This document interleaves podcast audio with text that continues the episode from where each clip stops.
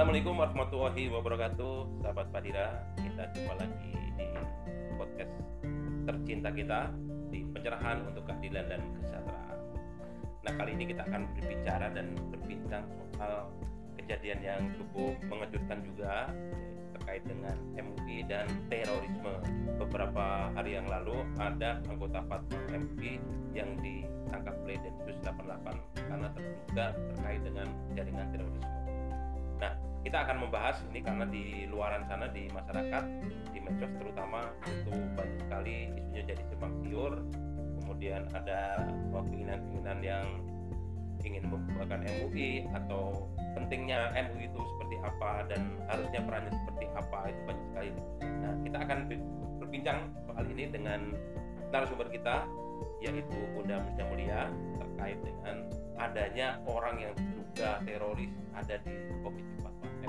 Sambil menunggu beliau sampai di ruangan, eh, kita boleh bercerita ini ya bahwa ternyata jaringan terorisme di Indonesia ini bukan hanya menyasar pada lembaga pendidikan, kemudian di instansi-instansi pemerintahan, tapi kok juga ternyata ada di lembaga-lembaga semacam MUI yang seharusnya MUI itu bisa menjadi uh, guidance bagi kegiatan dalam soal keislaman dalam uh, kaidah-kaidah keislaman yang bisa menjadi panutan atau menjadi rujukan bagi umat muslim di Indonesia. Nanti kita akan dengarkan dari narasumber kita mengapa itu bisa terjadi.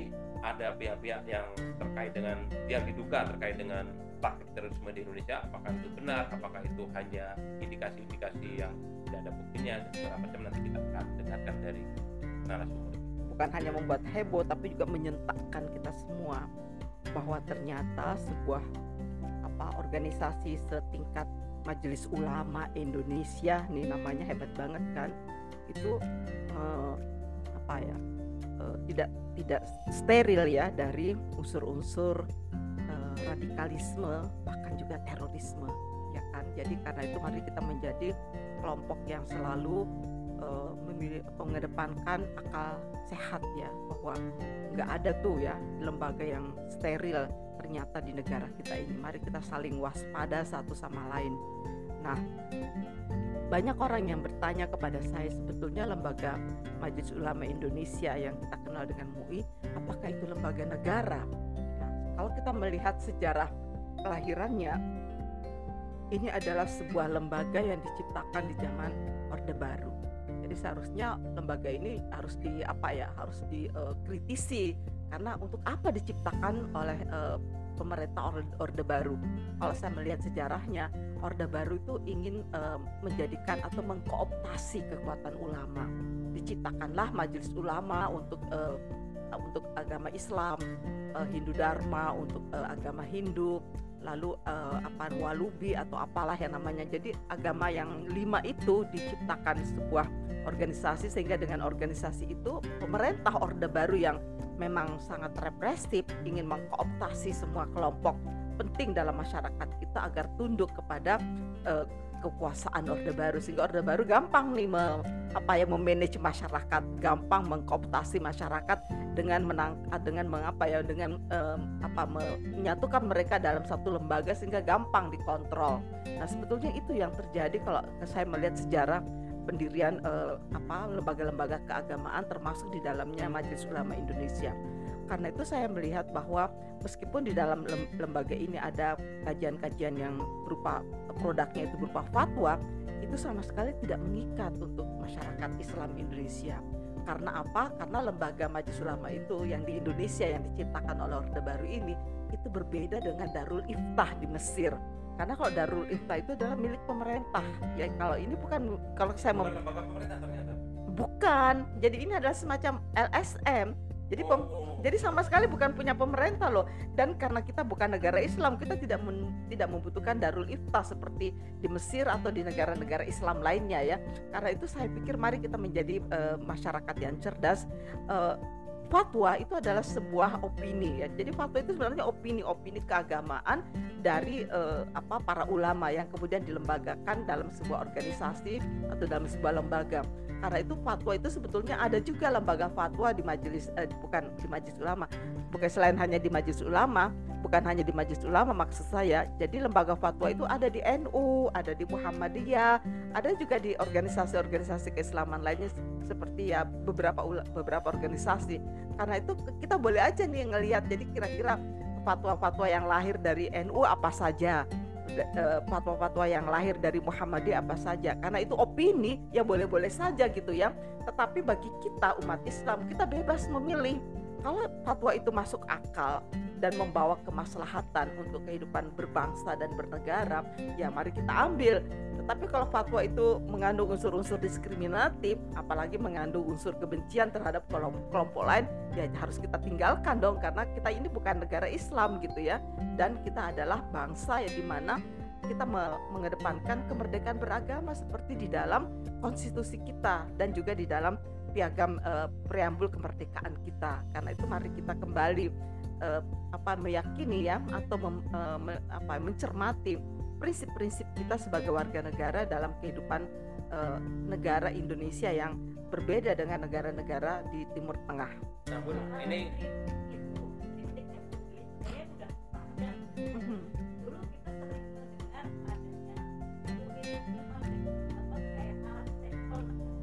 Betul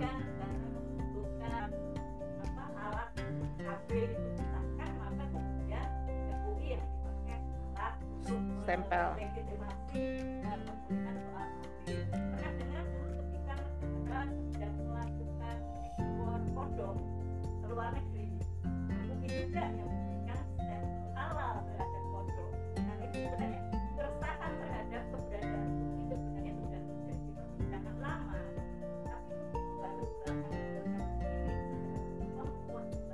ya karena dulu itu yang dirisaukan itu hanya uh, produknya ya bentuk fatwanya tapi sekarang yang dirisaukan ini adalah orang-orangnya yang ada di dalam itu. Ternyata mereka nggak steril kan?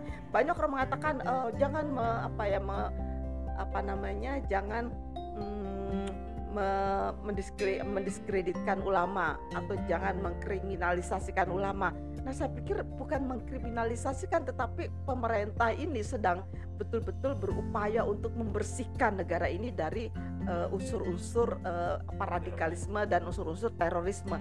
Dan ternyata ya uh, beberapa enggak semuanya juga sih ya beberapa orang pengurus bahkan pengurus uh, pengurus intinya ya di Majelis Ulama Indonesia itu punya data-data yang jelas karena Densus juga nggak berani nangkep dong kalau nggak punya data-data atau bukti-bukti yang konkret ya. Karena itu mari kita saling uh, apa ya saling mengingatkan satu sama lain.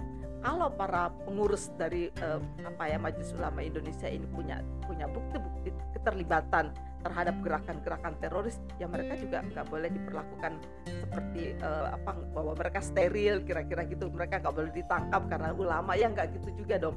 Dalam posisi sebagai warna warga negara di dalam negara demokrasi semua warga negara harus diperlakukan secara setara di depan hukum ya kan? Karena itu mari kita melihat bahwa seharusnya ada semacam uh, rekrutmen yang terbuka untuk uh, apa pengurus-pengurus Majelis Ulama Indonesia seperti yang dilakukan oleh uh, organisasi lainnya. Sehingga kita bisa percaya bahwa mereka adalah orang-orang yang bisa kita percayai dalam mengelola kehidupan uh, umat beragama di Indonesia. Karena itu kan organisasi agama kan?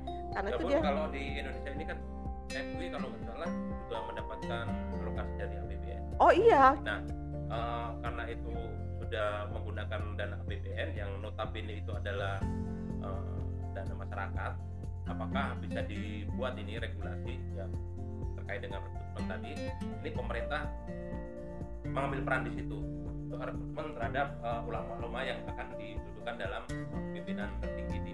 Paling tidak buat saya uh, adalah bagaimana Majelis Ulama Indonesia ini setelah mendapatkan da suntikan dana dari pemerintah mempertanggungjawabkan ya dalam bentuk uh, apa akuntabilitas yang terbuka ya kepada masyarakat ini. Dapat dana sekian lalu ke mana dana-dana itu di uh, apa dialokasikan atau dibelanjakan? Sehingga kita sebagai warga negara ngerti ya bahwa dana yang diberikan oleh pemerintah itu bermanfaat ya untuk uh, kepentingan orang banyak. Bukan dan juga kepentingan orang banyak untuk maslahatan bukan untuk me memperkaya uh, orang-orang yang ada di dalam dan membuat mereka menjadi lebih subur dalam uh, menjalankan atau mengkampanyekan pandangan-pandangan terorisme ya kan? Karena itu mari kita semua melihat apa sih yang sudah dilakukan oleh Majelis Ulama Indonesia dan ke mana dana-dana pemerintah yang begitu besar jumlahnya itu dihabiskan. Sehingga kita bisa melihat ada manfaatnya enggak dana pemerintah ini diberikan kepada uh, apa Majelis Ulama Indonesia. Nah, penting juga dong kita melakukan audit uh, secara terbuka, audit secara independen ya bahwa dana itu digunakan untuk kepentingan masyarakat, bukan untuk kepentingan segelintir orang di dalam Majelis Ulama Indonesia bahkan bukan digunakan untuk kepentingan menyusun gerakan teroris kan gitu. Jadi kita ya, ini bukan seuzon tapi ya secara terbuka mari kita melihat uh, apa yang terjadi dalam dalam diri organisasi Majelis Ulama Indonesia.